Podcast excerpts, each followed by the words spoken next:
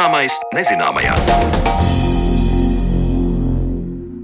Esiet sveicināti redzējumā, zināmais nezināmajā. Turpmāko stundu ar jums kopā būšu es, Sandra Kropa, un šodien mēs parunāsim par mūsdienu tehnoloģiju sniegtajām iespējām tajās zinātnes jomās, kurās ilgu laiku datortehnoloģijas tika pielietotas maz humanitārijās zinātnēs.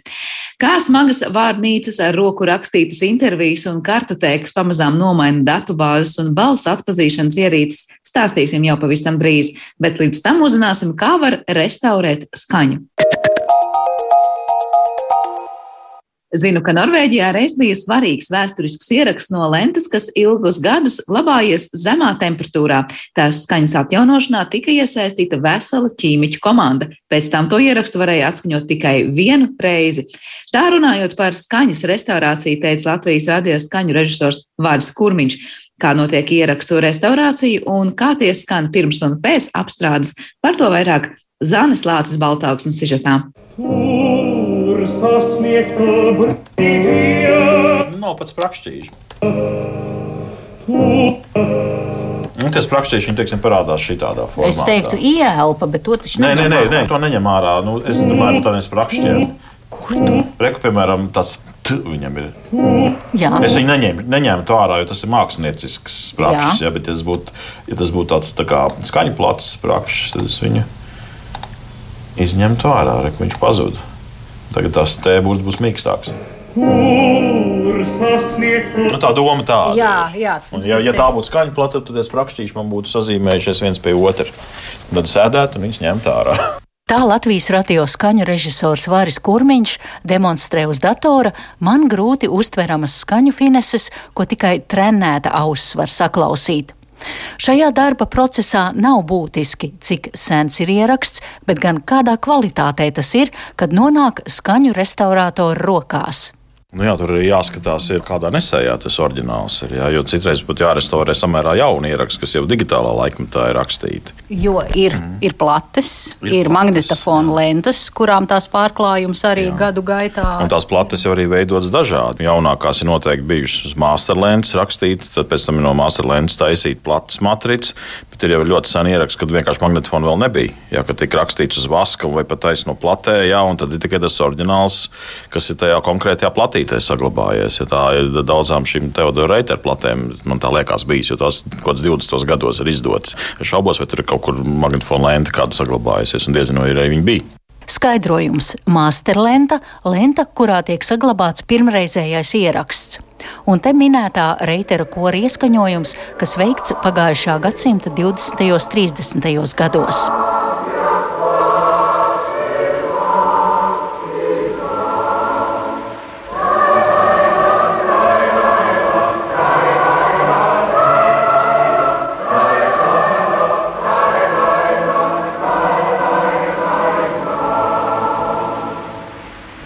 Tas process notiek. Šobrīd viss notiek ar datoru, tiek apstrādāts, vai tomēr nē, dators nav tas. Nu, vispirms, laikam, jādigitalizē, tomēr, jā, jo tad mums ir iespēja to ierakstu neskaitāmas reizes eh, labot, taisīt, jā, un mēs tā teikt, oriģināli nepazaudējam. Tā ir vienīgā iespēja. Jā. Mēs šobrīd sēžam tavā darba kabinetā. Te ir trīs datori, monitori, kur šo skaņu var redzēt. Tie, kuri nezina, skaņa izskatās nu, kā kardiogramma, tā audiogramma. Jā. Tepat blakus arī ir vecs magnetofons, no kuriem tās lēnas tiek dzītas iekšā. Ja tās ir lēnas, ja tās ir skaņu plates, tad tiek dzītas no skaņu plašātskaņotājiem. Jā. Ir ekstrēmāk gadījumi, kad tiek dzītas no taurītes iekšā. Jā, respektīvi, tiek pielikts mikrofons pie gramofona taurītes, jā, un tādā veidā skaņa digitalizēta. Tāda gadījuma arī mēdz būt. Jā. Es saprotu, kā radiožurnālists, ka var izņemt, ja ir kaut kādi sprakšķi pa vidu. Tad tos var ar datoru programmu pataisīt nu, lielākus, un to visu sīkāko milisprakšķīti var izņemt. Bet, ja tur ir apakšā fons, šņācoņa, dūkoņa, rūkoņa, tad ņem ārā arī to gan fons, gan katru sprakšķīti. Var ar roku izņemt ārā skaisti. Nu, nevienmēr ir gadās citreiz tā, ka tas sprakšķīts kaut kā tā ievijās mūzikā iekšā un ņemot ārā sprakšķīti cietīs mūzika. Nu, tad varbūt tas sprakšķīts paliks tāds vājāks, bet viņi principā līdz galam varbūt arī nevarēs izņemt, jā, bet nu, tomēr kaut kāda uzlabojuma būs. Velkot paralēlus ar eh, restauratoriem, kuri atjauno vizuālās mākslas darbus, ja kaut kas trūks, tad tur to detaļu ieliek, ko sauc par protezēšanu. Kā tas ir, ja mēs skatāmies uz skaņu mākslu? Jā, nu kaut ko var darīt. Teiksim, ja tas ir stereo ieraksts, tad mēdz gadīties, ka izkrīt viens no kanāliem ārā. Jā, un, ja tas ieraksts ir vēl monobijs, tad var aizstāt vienu kanālu ar otru, samēnīt vietām. Ja mūzikā ir teiksim, kādi līdzīgi elementi, nu, atkārtojumi kādi, ja, nu, tad var teiksim, ja tas ļoti netraucē mākslinieciski, iekopēt iekšā, jāizlāpīt šādā veidā. Bet tur jāstāsta, vai to vispār vajag, vajag darīt. Citreiz ir svarīgi saglabāt to vēsturi kā tādu, ka tur tā kļūda bijusi, un tāda viņa arī paliek. Ja? Tas tā nu, jāizvērtē. Skaņu restauratoram ir jāzina mūzikas vēsture un jābūt apveltītam ar labu dzirdi, kura parasti tiek izkopta laika gaitā. Un tāda tā arī ir bijušajam Latvijas televīzijas, Rīgas kinostudijas, skaņu plašu firmas Melodija un Latvijas radio skaņu režisoram un restauratoram Jāzepam Kulbergam, kurš skaņas apstrādi veica kopš 1957. gada. Nu, Jāzeps Kulbergs jau pāris gadus ir pensijā, bet jūsu uzmanībai piedāvāju sarunu, kas tappa 2015. gadā - intervija par senu skaņu ierakstu atjaunošanu. Tā ir laika, kad mainījās varas. Aspazija bija nevēlama ar savu runu sevišķi, ka viņi labvēlīgi izteicās par ulmaņa apvērsumu, un tā plata bija tīšām sabojāta. Es viņu redzēju pat, kāda viņa izskatās, parastā skaņa plati ar naglu krusts pārvilkts pāri. Plata nav pieejama, bet ieraksts ir pieejams. Tātad divi veidi. Pirmais būs tā sabojātā plate ar nagli saskrāpētā. Atnākusi liela tautas diena visā Latvijā. Atnākusi lielā svētku diena zemgalē. Tā ir tik lieliska. Otrs būs tas, kad es restaurēju pacietīgi katru sprakšķi izlasīju ārā pa vienam. Tur ir tūkstošiem. Jāsēž vairākas dienas un jāizlasa. Atnākusi liela tautas diena visā Latvijā. Atnākusi lielā svētku diena zemgalē. Sveicinu savu mīļo zemgali. Sveicinu visus viņas dēlus un meitas viens šāds ir Aspāzijas runa, tā plate bija sabojāta, bet citi ieraksti, tur jau ir bijušas citas tehniskas kaut kādas nepilnības, kur ir jāpielieto droši vien atkal nu, ir cita. Es, nu, es jums parādīšu, piemēram, Teodora Reitera kora ieraksta dārziņa, Emīļa dārziņa dziesma senatne. Tur kopējot tas izdarīts nemākulīgi un radies milzīgs fons tāds, kas traucē.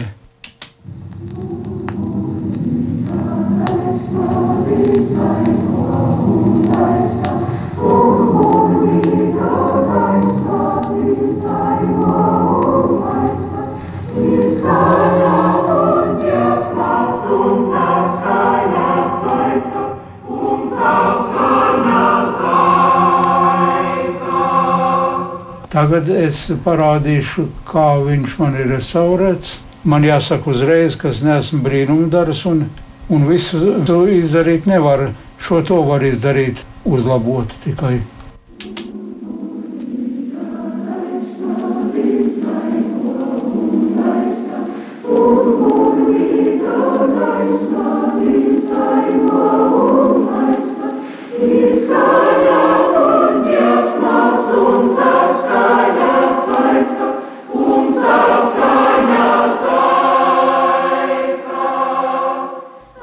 Par skaņas restaurāciju saruna ar bijušo Latvijas radio skaņu apstrādes meistaru Jāzepu Kulbergu, bet turpinājumā Vāris Kurmiņš stāsta par piemēriem citviet pasaulē, kad skaņu var atjaunot tikai vienreizējai lietošanai. Mēdz būt ekstrēmi gadījumi. Mums Latvijā es tādu neesmu dzirdējis, bet apmeklējot skaņu režisora kongresus, kur arī par šo tēmu tiek stāstīts un runāts. Es zinu, ka ir bijis viens norvēģiem ļoti svarīgs vēsturisks ieraksts, un šī lente bija glabājusies kaut kur tālu aiz polārā loka tādos interesantos atmosfēriskos apstākļos, kas to lentu bija pabojājuši. Jā. Mūžīgais sasalums.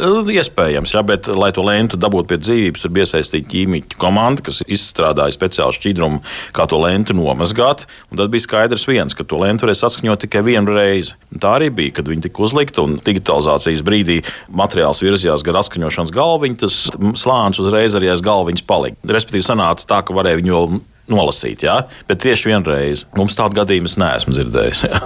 Un tā apstrāde jau vienmēr nenozīmē, ka tur ir kaut kas ļoti jāapstrādā. Citreiz jau tās lentes skan tik labi, ka pietiek vienkārši viņas digitalizēt. Bet tā lente citreiz atkal jāsagatavo, lai viņu varētu digitalizēt. Ja viņi tiek izņemti no noliktavas, kur viņi ir glabājusies, viņi kādu laiku ir jāpatina uz priekšu un atpakaļ kādu nedēļu, lai samazinātos priekšmagnetizācijas efekts.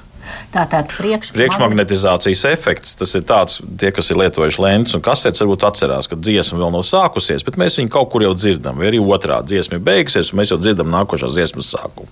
Tas nozīmē, ka lente, kas glabājusies rullītī, ir uzkopējusies virsū magnetiskā informācija citā vietā, kur viņai nevajadzētu būt. Tikai tāpēc, ka viņa fiziski ir uztīta uz tā rullīša.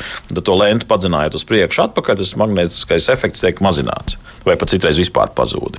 Skatoties uz skaņu nesēju materiāliem, kuri ir tie, kuros tā skaņa saglabājas ilgāk un kvalitatīvāk. Ja mēs tagad skatāmies tevis pieminētās vaska plates, dažādas lentes, kompaktdiskus. Nu, gandrīz jau jāsaka, tomēr lentes, man tā liekas, analogās lentes tur nelobās no tā emālija. Nu, kā tās lentes uzglabā?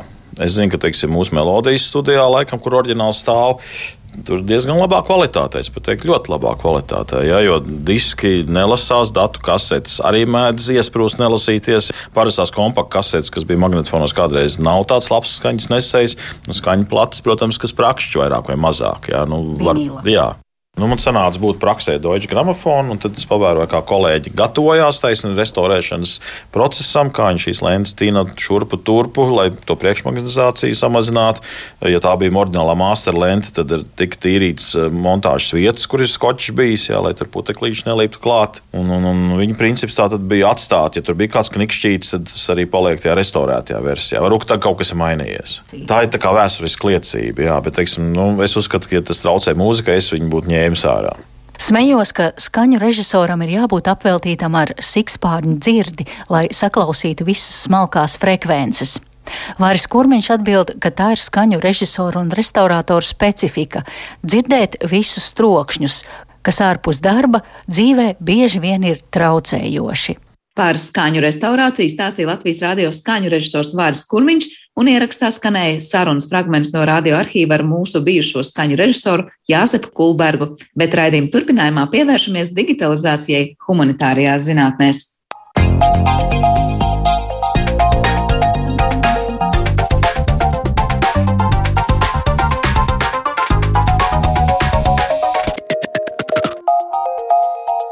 Zināmais nezināmajā.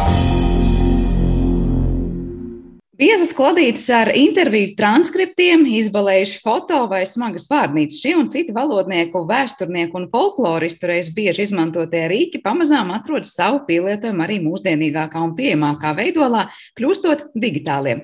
Kā šķietami netehniskajās humanitārajās zinātnēs ienāk mašīnu tūkošana un dažādi virtuālie rīki, par to mēs šodien vairāk runāsim ar mūsu attālinātās studijas viesiem, un pie mums šodien viesos ir Latvijas Universitātes profesors, mākslīgā intelekta laboratorijas vadošais pētnieks Gunts Bārzdiņš. Labdien! Labdien!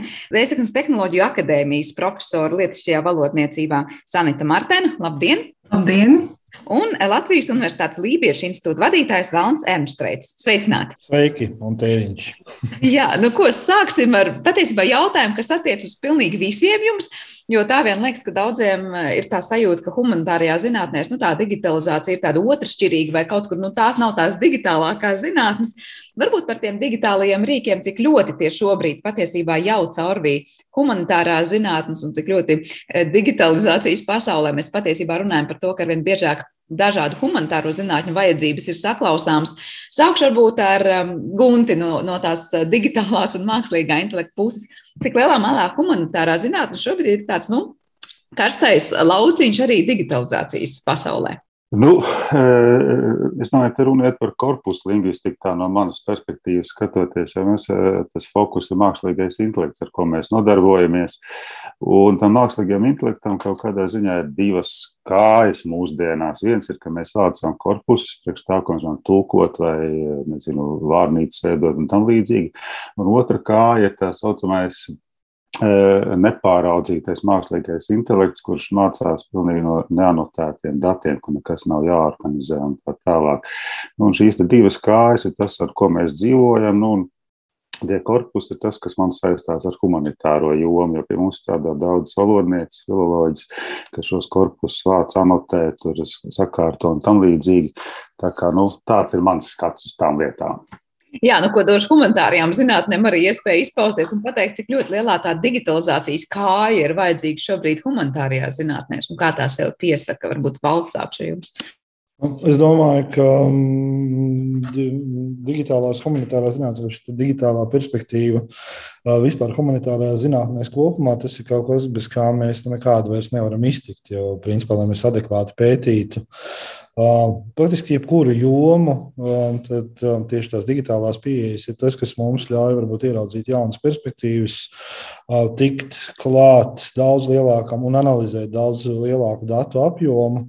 Un, nu, faktiski šī pasaules digitalizācija visās jomās ir sev parādījusi, īpaši pandēmijas laikā, kā ļoti svarīga. Un, un, protams, humanitārā zinātnē ir tā joma, kas, kurai nekādā veidā nedrīkstētu atpalikt no visas pārējās pasaules. Sanītis droši vien būs tas piebilstams vēl arī no valodniecības. Jā, neatkārtojot kolēģi teikto, divas lietas gribētu uzsvērt. Viena ir pētnieks vairāk var pretendēt, humanitāro zinātņu pētnieks uz objektivitāti. Ja man ir lielāks apjoms eh, ar tekstiem, un es veidoju kādas atziņas secinājumus, tad tas nav uz triju tekstu bāzes, bet tie ir 300 vai 3000. Un tas uzreiz rada man pašai ticamību tam, ko es esmu atklājusi Tad šis, šī ir iespēja eh, kvantitatīvi samazināt laika apjomu, lai strādātu ar datiem un pretendētu uz kaut kādu objektīvo patiesību. Dažreiz ir tāda ir, tas ir nosacīti. Un otra perspektīva man ir eh, tā, ka es strādāju ar valodu skolotājiem, un eh, šobrīd valodu tehnoloģijas un, un rīki īpaši ir ļoti attraktīvi, lai mācītos gan dzimto valodu citādi, izmantojot, transkribējot, saskatot runātās un rakstu valodas atšķirības. Tā, man liekas, tā ir ļoti tā šī pedagoģiskā izglītības puse arī ļoti, ļoti svarīga. Jūs minējāt par šo objektivitāti, kas ir, tas parāda patiesībā to iespēju kvantitatīvi strādāt ar šiem rīkiem. Varbūt jūs varat nedaudz ieskicēt to, nu, kāda ir patiesībā tā valodnieka pētnieka darba ikdiena, ja viņam šādu rīku patiesībā nebūtu viņa rīcībā. Tas nozīmē, ka mēs uzreiz no ļoti, ļoti mazu tekstu apjomu patiesībā spējam strādāt. Tā, tā bija, kad, kad es studēju Latvijas Universitātē un arī vēlāk, tad mēs ekscerpējām uz lapiņām, rakstījām.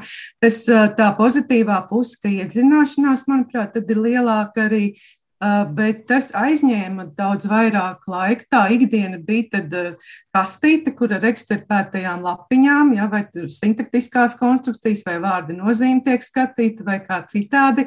Tur savs šarms, manuprāt, tam arī bija, jo tad bija lēnāk un, man liekas, dažreiz arī pamatīgāk, bet tad tu tā nevarēja vispārināt, manuprāt. Un tad, ja šobrīd tev ir korpus un tie ievadi kādu vārdu vai vārdu formu, un tev izmet tas vārlietojums, sākot ar uh, publicistiku, daļliteratūru, informatīvie, neinformatīvie teksti. Un tā otrkārt mutvārdu valoda, arī runātās valodas korpus ir un rakstu valoda, ja tad tu uzreiz vari gan pa žanriem veidot vairāk uh, tādus precīzākus secinājumus, gan atšķirības starp mutvārdu runāto valodu un rakstu valodu. Mēs varam paskatīties arī plašāk, Viens ir pielietojums, otrs ir valodas dzīvotspēja. Un jau UNESCO viņi definējuši par valodas vitalitāti, ka deviņi faktori neuzskaitīšu, bet valodas dzīvotspēja nosaka, vai tā ir attīstīta tehnoloģijās. Jā, tā kā, nu šis ir arī par valodas nākotni kopumā.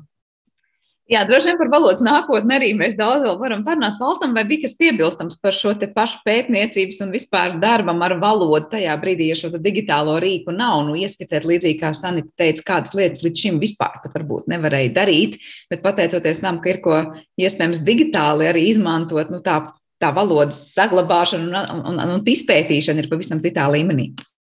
Es gribēju tieši vienu piemēru minēt no savas pieredzes, kas ir saistībā ar vārnīcu veidošanu. Tad, ja kādreiz papīra veidā sastādot vārnīcu, tas bija process, kas aizņēma 20, 30, reizēm 40 gadus, lai to varētu izdarīt. Um, šobrīd um, šos vārdus var iegūt Um, tos pašus korpusus analizējot, vārdu lietojumu biežumu datus var dabūt ļoti viegli. Un, un tiksim, salīdzinājumam, ja lībiešu, igauņu, latviešu vārnīcu, kuras veidošanā es piedalījos tajā beigu posmā, tas kopējais laiks, kas bija patērēts, bija 40 gadi tad uh, divreiz lielāku igauņu un latviešu vārnīcu, ko mēs jau veidojām, izmantojot dažādus digitālos resursus, korpusus, datus um, un elektronisko informāciju, tad mēs šo projektu spējām īstenot divu ar pusgadu laikā. Un es domāju, ka tas ir ļoti nopietns piemērs, ka, kāpēc digitālās tehnoloģijas ir. Um, tas ir tā nākotne, kurā mēs darbojamies. Un to jau es domāju, ka ik viens jūt. Uh, Arī tad, kad mēs rakstām tekstu un kaut vai saskaramies ar to, ka mums ir pareizrakstības rīks, kurš pasaka mums, kādas mums kļūdas tajā teikumā ir, tad ir nepieciešams daudz mazāk laika nekā pēc tam uz izdruku sēdēt un vilkt līdzi un, un mēģināt pamanīt katru neprecizitāti. Jautājums man Guntim, varbūt no šās tehnoloģiju puses. Kas ir tas sarežģītākais, lai vispār veidot šādus digitālos rīkus valodnieku vajadzībām vai vispār humanitārajām zinātnēm? Jo nu, te mēs vienkārši nerunājam par milzīgu datu apjomu, kas ir jāspēj uzglabāt un varbūt um, ātri vienkārši nu, jā, jānosūta vajadzīga atbilde kādam. Tur patiesībā, ja mēs runājam par valodu, ja, tā grūtākā lieta ir spēt padarīt to, to mākslīgo intelektu tik gudru, lai tas tiešām nu, saprastu to valodu tajās nozīmēs, kādās mēs to saprotam kā cilvēki. Varbūt ir iespējams ieskicēt to nu, izaicinājumu pilno pusi mākslīgā intelekta pusē, strādājot tieši ar valodas jautājumiem? Jā, nu, te es tās divas kājas no vēl tas sākumā pieminēju, ka e, tā viena kāja ir tāda relatīvi vienkārša no informātikas puses skatoties, ka mēs taisām vārnīcas, taisām korpusu, viņos var meklēt. Tas no datorzinātnes viedokļa nav nekas pārāk sarežģīts, ka mēs varam arī pareizrakstību pārbaudīt un šīs lietas. Bet, nu, es tā dzirdu, ka tas e, reāli valodnieki mums ir varbūt tas šobrīd tas svarīgākais. Viņi tiešām tajos korpusos var meklēt, var pārbaudīt pareizrakstību tekstos vai tas vārds vārnīcā kādā formā parādās un tam līdzīgi. Un ar to mēs nodarbojamies. Tas ir šīs konkordants, jeb sketch engine, ja mēs korpusu LV skatāmies, tas viss tur ir iekšā un mums ir liels prieks to lodnieki to arī lieto. Un, piemēram, es redzu, ka latgaliešu korpus ir, lībiešu korpus mums nav vēl pagaidām iekšā šeit. Es tā tieši sēdījums skatījos, tā kā tā ir patīkama lieta. Bet otra lieta ir tā, ka mēs varam veidot rīkus, daudz gudrākus rīkus, kas atpazīst runu attiecīgajā valodā vai dialektā. Mēs varam taisīt rīkus, kas tulko teiksim, no lībiešu valodas uz latviešu valodu, ne tikai vārnīcu taisīt, un mēs varam eh, arī sintezēt runu arī latgalisko vai lībiešu valodā vai tam līdzīgi no latviešu valodā. Tā kā tās iespējas ir ļoti lielas un pat vēl vairāk, tagad mēs varam pat uztaisīt robotu, kas eh, var sarunāties, botu lībiešu valodā vai latgaliešu valodā. Arī tas ir iespējams. Tā, tā otrā kāja, kad mēs ejam tajā mākslīgajā intelektā, viņa ir ļoti gara. Bet jūs sakāt, mēs varam, mēs esam vēl tālu no tā, lai mums būtu tāds runājošais robots, piemēram, lībiešu valodā. Patiesībā mēs esam ļoti tuvu. Studenti man tādus taisa savos maģistra darbos, priekš tām valodām, kurām viņi tiek klāt, nu, latviešu, angļu, krievu un tā, bet mēs varam uztaisīt lībiešu valodā, mēs varam uztaisīt latgaliešu valodā. Jā, es gribēju pajautāt, kas ir vajadzīgs, lai, piemēram, varētu šādas, šās robots runāt, vai tur ir daudz vārdu, vārdu krājums, vai, vai sarežģīts konkrētās, vai netik sarežģīts konstrukcijas. Valtam ir kas piebilstams, laikam, pie šī. Mums jā. ir vajadzīgs korpus, jā. Jā, mēs sākām runāt par, par lībiešu valodu un to, kas ir vajadzīgs. Tas, ko Gunts nu pat arī ieskicēja, faktiski galvenā lieta, jeb kāda veida tehnoloģijām, um, ir dati. Un, tā ir varbūt tāda ļoti pamatīga atšķirība starp, starp lielajām valodām, pieminētot angļu, krievu, franču, vācu. Um, arī latviešu valoda faktiski ir valoda, kurā, kurā kaut vai valodas dati tomēr ir pieejami ļoti lielā apmērā. Ja mēs liekam pretī lībiešu vai latviešu valodu, tad šis datu apjoms ir uh, daudz ierobežotāks, līdz ar to um, šeit ir arī uzreiz parādās tā otrā problēma, ka mums nepietiek tikai ar to, ka mums ir kvantitāte, bet mums tā kvantitāte ir kaut ko jākompensē, un tie kvalitatīvie dati, ar ko mēs to mēģinām kompensēt. Kas attiecās teiksim, uz lībiešu valodu, šeit ir Mēs esam gan institūtā sadarbībā ar mūsu kolēģiem ārpus Latvijas arī eksperimentējuši pie, pie kā reiz mākslīgā intelekta izmantošanas, automātiskās tūkošanas rīku veidošanai, tur, arī morfoloģiskajai analīzē un daudzām citām lietām. Arī mēs plānojam veidot kopīgus eksperimentus ar to pašu runas sintēzi, bet atkal tā ir tā lieta, ar ko mēs cīnāmies un ar, ar ko saskarās faktiski visas šīs mazās apdraudētās valodas, kam ir ierobežots datu apjoms, tas, ka mums nav pietiekami dati. Tas ir tāpat kā bērnam. Ja viņi grib, grib, gribam viņam iemācīt kādu valodu, tad viņam uh, faktiski ir jābūt pastāvīgi tai valodai apkārt. Nepietiek ar to, ka mēs katru nedēļu viņam iemācām divus vārdus. Tas nav, tas rezultāts nekad nebūs tāds, kā, kā tad, ja, ja viņš ja viņam būs šie dati apkārt pietiekamā un tā vide apkārt pietiekamā apjomā. Un tas, tas varbūt ir tas mūsu izaicinājums tajā galā, kas attiecās tieši uz šiem valodām, kam ir tie resursi ievērojami mazāki. Es pieņemu, ka sanitē par latviešu valodu būs kas piebilstams. Jā, te gan valsts arī vilku paralēlis. Jā, jā, noteikti. Jā, salīdzinot, ko teica Guntis un valsts, tad es tā teiktu, uh, kā es varu pastīties no malas, lai gan esmu iekšā uz latviešu valodu, Tas ir palīdz salīdzinājums ar citām Eiropas mazāk lietotajām valodām un korpusiem, ko mēs esam papētījuši. Mēs izskatāmies gana labi, bet ne tik labi kā, piemēram, sāmu valoda korpusi, ja, kas ir multimodāli ar video, audio un tam līdzīgi. Sāmiem, nu, tāpēc valodas lietot atkarībā kurā valstī, bet mēs, es varētu teikt, ka nu, nav tik liela atšķirība no latviešu valodas lietotāju skaita. Bet tad, ja mēs salīdzinām, piemēram, ar, vai ar basku, ja, nu, tas nav salīdzināms, bet, piemēram, ja mēs salīdzinām ar kādiem kašubu valodu, kur ir ļoti liels valsts atbalsts, bet viņi vēl ir tapšanas procesā, vispār vēl korpus nav, tad man šķiet, ka mums ir ļoti laba situācija. Mēs pirms desmit gadiem sākām veidot latviešu valodas korpusu, un tur jau bija atšķirība, bija jāskenē Un jau tikai desmit gadi ir pagājuši, un mēs patiesībā tekstus atrodam elektroniski. Mēs vairs netērējam laiku skenēšanai. Mums ir latviešu valodas tekstu korpus, kas 20, 2022. gadā būs atjaunotā versija, un vēl viens ļoti, kur mēs esam pionieri un ārkārtīgi lepni, ka mēs veidojam runātās valodas korpusu. Latviešu runātā valoda gan latgalē, sākot ar skolēniem, ieraksti mums ir beidzot ar veciem cilvēkiem un arī latgalieši Sibīrijā. Tad, tad tie ir jau trešā, ceturtā paudze, kur vēl aizvien, protams, pārslēdzoties uz krievu valodu, bet vēl aizvien lieto latgaliešu valodu.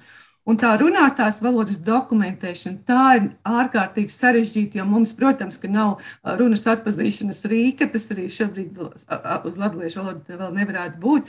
Tā ir nākotne, bet mēs ne tikai dokumentējam, bet mēs uzreiz domājam, ja jūs domājat tikai par saglabāšanu un dokumentēšanu, tad tai valodai nav nākotnes. Man uzreiz jādomā, kas ir potenciālais lietotājs. Zinātnieki, pētnieki, jā, kā mēs varam skolotājus iesaistīt, kā mēs varam mēdīt cilvēkus iesaistīt. Ja viņi runā par kādu jēdzienu, konceptu ziņās, ka tas nav triviāli, bet viņi, ja, kad viņi runā par to turismu vai pirti, ka viņi ieraksta korpusā un pastāst par to, ir vesela joma semantiski, ko tur varētu runāt, un ka tas nav tik, tikai viens slānis, viens slānis tiek atklāts. Tā, ka, ja, ja tas ir korpus, ja mēs korpusu uztveram kā tekstu krātuvi, kā skapi. Ja nu, no tās skapis, tā, skapi tās savas drēbes neizmanto, tur ir pelējums. Tā, nu, viņš ir, nu, ir labi, mēs dokumentējam, viņš neai, tā, mēs nākamajām paudzēm saglabājam, bet es gribu, lai tas Tur ir veidināšana, lai, lai tam, tam ir pielietojums. Es tieši gribēju vaicāt, jūs salīdzināt ar skapi, vai no tā, kā mēs sakām, no skapja regulāri kaut kas ir arī jāņem ārā. Tad kādā veidā tā nu, valodas, kā jūs sakat, šī korpusa veidošana tiek pārskatīta, cik bieži varbūt tajā ne tikai liek iekšā, bet no tā arī met kaut ko ārā. Un, ja mēs runājam par latgaliešu vai lībiešu valodu, vai tur ir daudz ko mest ārā? Mēs, mēs tādā tas ir tīri no zinātniski. Mēs esam šobrīd strādājot ar atjaunoto versiju. Mēs esam atklājuši 2012. gada versijā kļūdas vai tekstu dublēšanos. Tad mēs metam ārā, lai ir tā ticamība no pētnieku pozīcijām, ka nedublējas kaut kas. Bet citādi mēs neko nemetam, nevienu tekstu. Tek, jebkurš teksts atspoguļo valodas lietotāju. Un šī, šajā brīdī mums vēl nav soci, valoda, kas ir sociālajos mēdījos, kas latgalis dažādu tīklu vietnēs tiek lietota. Tas varētu būt nākotnes perspektīva, jo tā latgaliešu valoda, kas tiek lietota tādā neformālās situācijās, sociālo tīklu dažādām vietnēm, Tur ir vēl cita pasaule. Tā kā mēs tādā mēs noteikti nemetam, mēs precizējam, pārskatām, kas ir loģiski pēc desmit gadiem, tā vajadzētu ātrāk pat būt. Un tad eh, priecājamies par jebkuru tekstu, kas nāk klāt. Bet, jā, paldies! Valtam būs kas piebilstams par eh, to revidēšanu valodas. Jā, nu, varbūt ne tik daudz par revidēšanu, bet varbūt tā, es drusku sapratu citādāk, varbūt to mešanu ārā. Es tā vairāk sapratu, ka kā pieejamība sabiedrībai. Tas, tā, manuprāt, ir viena liela digitālo instrumentu priekšrocība, un šo digitālo pieeju priekšrocību, ka tie nav tikai pētnieku rīki. Tas nav nepātrina tikai darbu tiem, kas ar to strādā. Tie ļauj arī šos darba rezultātus ļoti dažādās formās piedāvāt arī ikvienam sabiedrībā. Nu, varētu minēt piemēru, ka Teiksim, ja mums ir leksikas krātuve vai, vai korpus, tad tas nozīmē, ka principā, cilvēki, kas apgūst lībiešu valodu, viņi var mācīties gan vārdus, uzzināt tulkojumus, redzēt, kā tie vārdi tiek lietot. Tā, tas ir tas, kas, kas nonāk atpakaļ līdz lietotājiem. Pašā korpusā mums atrodas, piemēram, lībiešu folklora, visa lielā lībiešu folkloras krātuve, un tas ir atkal viens cits lauks, ko jau pēc tam var izmantot ļoti daudzos dažādos veidos. Tā, kā, tā manuprāt, ir tāda ļoti liela digitālo instrumentu priekšrocība. Tiesa gan šeit ir jautājums, cik lielā mērā uh, arī valstiskā līmenī ir tā gatavība investēt šo digitālo tehnoloģiju attīstībā. Jo nu, mēs arī redzam, uh, kaut vai kad mēs paskatāmies uz automātiskās tulkošanas rīkiem vai, vai valodas uh, runas atpazīšanas rīkiem, tad tie daudz labāk strādā tur, kur tās investīcijas ir iekšā, kur tās tehnoloģijas tiek apzināti veidotas.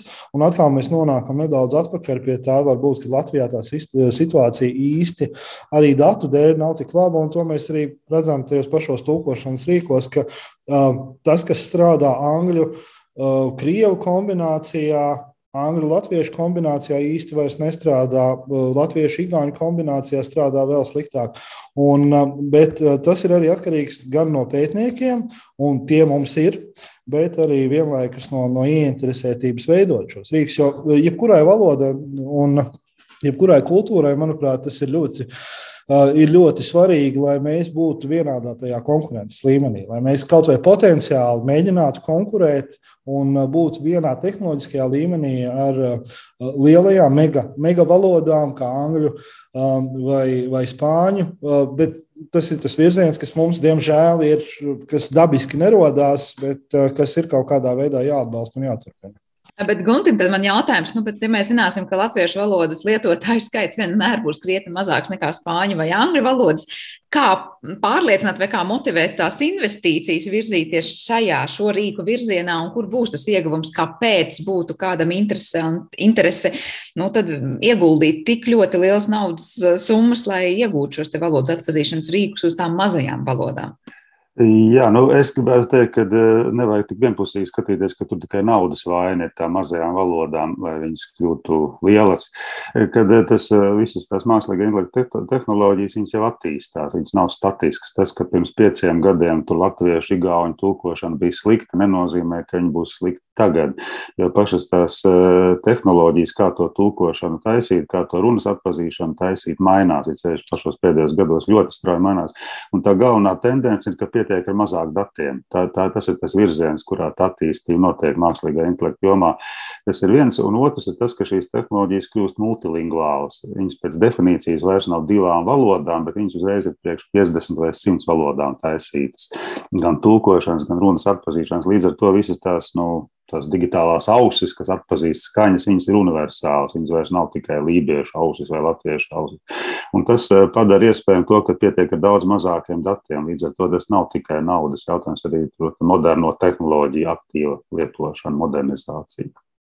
Bet kā tas nākas, ka, piemēram, iedomājamies nu, tāds eh, valodas skanējums, nu, kaut vai tādai franču valodai, kur varbūt e un l būs uzreiz dažādu niansēs, tiešām vārdu nozīme mainīs, un latviešu valodā savukārt tas tā nebūs. Kā šī tehnoloģija var būt vienlaikus, kā jūs teicāt, tās ausis pielietojums, nu, tad ļoti daudzām valodām.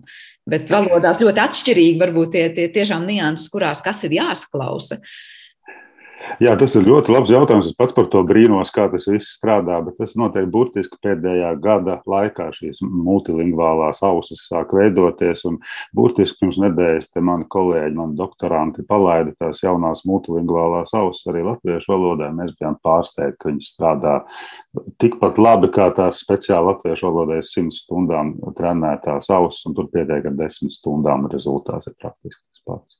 Tā kā tas viss ir procesā, nu vēl jau mēs pilnīgi tur neesam. Bet, bet izklausās daudz sološi. Izklausās daudz sološi. Tā valodnieki raugās uz šīm multilingvālajām ausīm. Vai jūs esat skeptiski un tomēr teiksiet, ka tur tik viegli nebūs, vai arī būsiet ļoti optimistiski pār, pār, pārņemti? Valds sākšu ar jums. Nu, es gribētu Guntim piekrist tieši tādā ziņā, ka tas stāsts ir par to, ka tās tehnoloģijas patiešām attīstās un attīstās ļoti strauji. Varbūt tas, tas kā mēs strādājām ar, arī lībiešu valodas gadījumā pirms, pirms gadiem pieciem, stipri atšķirās no, tā, no tiem procesiem, kas notiek, notiek šobrīd. Un, faktiski visi šie paši mehānismi arī tiek aprobēti. Tas stāsts varbūt manā gadījumā tas um, um, stāsts par investīcijām bija vairāk domās tieši par to, ka to ir jāstrādā ka to nevar sēdēt un gaidīt, ka respektīvi, kaut kur izveidosies tehnoloģijas, bet ir jāstāsta, kā tās tehnoloģijas strādā šeit, lokāli, tā, tām valodām un, un tām kultūrām, ar, ar ko mēs darbojamies. Bet um, šis digitālais laikmets, manuprāt, vispār ir, ir ļoti noderīgs izrādījies, um, lai gan ļoti daudz tiek runāts par digitālo globalizāciju un, un tādām lietām, bet, manuprāt, tieši tādām mazākām kultūrām, mazākām valodām digitālais laikmets ir palīdzējis atrisināt ārkārtīgi daudzas lietas. Pirmkārt, jau šis pieejamības jautājums, tas, ka uh, tie valodas dati uh, un līdzekļi, tie paši mācību līdzekļi, viņus ir iespējams veidot ātrāk, straujāk, elastīgāk. Uh, ir iespējams arī nodrošināt to, ka cilvēki var uh, izmantot šo valodu uh, daudz vienkāršāk un daudz lielākos attālumos. Restīvi, kādreiz mums, nu, mēs iedomājamies, kāds latviečs būtu nonācis Austrālijā un būtu vienīgais latviečs savā pilsētā, tad visticamāk viņš visu mūžu tieši tā arī nodzīvot. Šobrīd viņš var pastāvēt tajā kopējā kopējā vidē, pateicoties tehnoloģijai, viņš var uzturēt savus gan valodu, gan kultūru. Un, un tas, šī korekcija uz nākotni, manuprāt, ir arī ļoti svarīga, jo viss paliks arvien, arvien vienkāršāk, arvien kvalitatīvāk. Bet, protams, ir arī nu, šādas lietas, par ko ir jādomā arī tās valodas tehnoloģijas veidojot. Vien, viens varbūt tāds piemērs no, no mūsu lauka arī um, tieši domājot par sāmu valodām un kā viņi pieiet tām lietām. Es gribēju teikt, ka sāmiem kā reizi ir jau jau labu laiku. Viņi ļoti daudz investē tajās valodas tehnoloģijās, veidotu, un tas ir ļoti garš process, kurā, kurā viņi to dara. Tāpēc viņiem faktiski tie rezultāti ir ārkārtīgi labi visi Ziemeļ-Eiropas mērogā. Bet viena tāda lieta no sāmu uh, valodas gala. Uh, no pieredzes ir tā, ka šie valodu uh, rīki, ko veido sāmu cilvēki, viņi šos rīkus veido tikai tulkošanai no sāmu valodas, respektīvi automātiskās tulkošanas rīks, bet nekad pretējā virzienā. Ja šeit ir viena tāda lieta, kas saistās tieši ar varbūt, mūsu jomu, ir tas, ka uh, izveidojot automātisko tulkošanu kādā no valodām, kam ir mazs resurss, mēs riskējam ļoti īsā laikā būtībā piedrazot valodas vidi ar tekstiem, kuri nav līdz galam kvalitīvi viena vai otra apstākļa dēļ. Un tas ir viens tāds aspekts, kas mūsu darbībā, vismaz domājot par lībiešu valodu un automātiskās tulkošanas iespējām lībiešu valodā, tostarp arī izmantojot šos mākslīgā intelekta piedāvātās iespējas, nu, tas ir tas, par ko mums ir jāizdomājas un ar, ar ko mums ir jābūt tomēr, tomēr piesardzīgiem. Kā ar mākslīgo intelektu kopumā? Mm -hmm, paldies! Uh, Sanita, man te jautājums, nu patiesībā jau otrs arī, vai ir līdzīgi izaicinājumi latgaliešu valodā, un vai ir kāds komentārs par tām multilingvālajām ausīm attiecībā uz latgaliešu valodu? Jā, es, ne, es, nebū, es nebūšu skeptiskāka, bet es būšu realistiskāka. Es atvainojos par to.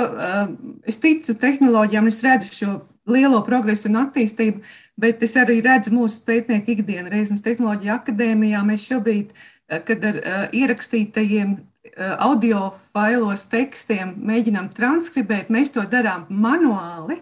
Mēs transkribējam vienu minūti, apmēram stundu vai divas stundas, mēs, bet mēs esam apguvuši programmu, piemēram, Elan. Un, protams, šī datorprogramma mums palīdz ļoti labi. Bet, lai vienotos par konvencijām, kā, lai mēs visi vienādi to atainojam, Mēs diskutējām trīs mēnešus, ja, jo mēs dzirdam viens šo skaņu, kā mēs to skaņu. Mēs negribam tikai atbilstoši rakstu valodai, bet atbilstoši cilvēku izrunai. Un, manuprāt, no valodnieka viedokļa tas ir daudz komplicētāk, kā vienoties par šīm konvencijām, kad mēs pārnesam runas tekstu. Un es ticu, ka datorprogrammas to labi spēj darīt un bez tām neiztikt, bet tas nenozīmē, ka tur nav jāiegulda darbs, lai tād, tāds vienots skatījums, tā, ka mums ir skaidrs konvencijas, kā mēs pēc kurām mēs ejam. Attiecībā uz latviešu valodu šis vēl, manuprāt, ir, es negribu teikt tāls ceļš, bet ši, mēs vēl manuāli strādājam. Mēs vēl, šo, mēs vēl ļoti ciešam no tā, ka mums nav automātiskās atpazīšanas rīks, kas, kur, kur mēs varētu daudz mazāk laika patērēt uz šādu tehnisku procesu un strādāt ar saturu un kvalitatīvu citiem jautājumiem. Nu, man te gribās drusku uzreiz ies, iesprāgties iekšā, ka šeit runas atpazīšanas rīki. Jā, lat, latgāliešu valodā laikam jau nav uztrenēts vēl šobrīd, bet nu, latviešu valoda ir satrenēta un citām valodām arī ir. Un ka neapšaubām transkribēšana, ja vispirms robots transkribē un pēc tam cilvēks pielaboja, ir daudz ātrāk. Mēs tieši tā arī šos lielos korpusus veidojam un arī mediķi lieto šādu sistēmu, jo viņi, tad, ja skatās rentgenu, vienkārši stāst, ko viņi redz un tur automāts jau to visu pieraksta, izlabo kļūdas. Tā kā šis ceļš ir visnotaļ ejams un jāiet pa viņu, ir tikai tur tāda viena sīka loģistiska problēma no mūsu viedokļa, ka tā transkribēšana nav lēta. Viņa ir laba, bet tur ir vajadzīgi lieli datori ar grafiskiem pātrinātājiem, visu kaut ko, lai to stundu varētu transkribēt. Tas, tas ir tāds ļoti dīvain, dīvains efekts, ka tās programmas mums ir, bet mēs viņus visiem nedodam, tāpēc, ka viņus uz kaut kāda liela datora jārēķina un kas par to lielo datoru maksās. Jā, nu ko, līdzīgi kā jūs teicāt, ka viss mainās, nu, te pa gadam tiešām jāsaka šajā jomā un tiešām lieliem soļiem iet uz priekšu. Nu, cerams, ka varbūt vēl pēc gada, diviem vai trim mēs varēsim teikt, ka mēs atskatīsimies uz šodienu un teiksim, tā gan bija tālu pagātne un kopš tās dienas daudz kas ir mainījies, kas zina varbūt par to, ko tikko jūs minējāt, kā tos lielos izaicinājumus mēs arī jau pavisam drīz runāsim kā par, nu, reāli pārvaram lietu, kas reāli palīdzēs pētniekiem gan ikdienas darbā, gan arī palīdzēs saglabāt šo kultūru un valodu. Neatkarīgi no tā, kā jau valsts teica, kurā geogrāfiski vietā atrodamies, vai arī kurā laika vienībā esam. Varbūt nākotnē tiešām mēs baudīsim šīs tehnoloģijas augļus vēl vairāk un spēcīgāk. Šajā raidījumā es teikšu jums lielu paldies par tādu nelielu ieskatu tajā, kā digitālās tehnoloģijas caurveid dažādas humanitāro zinātņu disciplīnas, un laikam par to runāsim nākamajā, nākotnē, tuvākajā arvien vairāk un plašāk. Bet nu atgādināšu klausītājiem, ka šajā raidījuma pusstundā bijām kopā ar Latvijas Universitātes profesoru un mākslīgā intelekta laboratorijas vadošo pētnieku Gunti Bārziņu, Reizeknas tehnoloģiju akadēmijas profesori lietušķajā valodniecībā Sanitu Martēnu un Latvijas Universitātes Lībiešu institūta vadītāju Valtu Ernštreitu. Paldies jums par šo sarunu, un paldies arī visiem mūsu klausītājiem par kopā būšanu šajā pusstundā. Visu labu!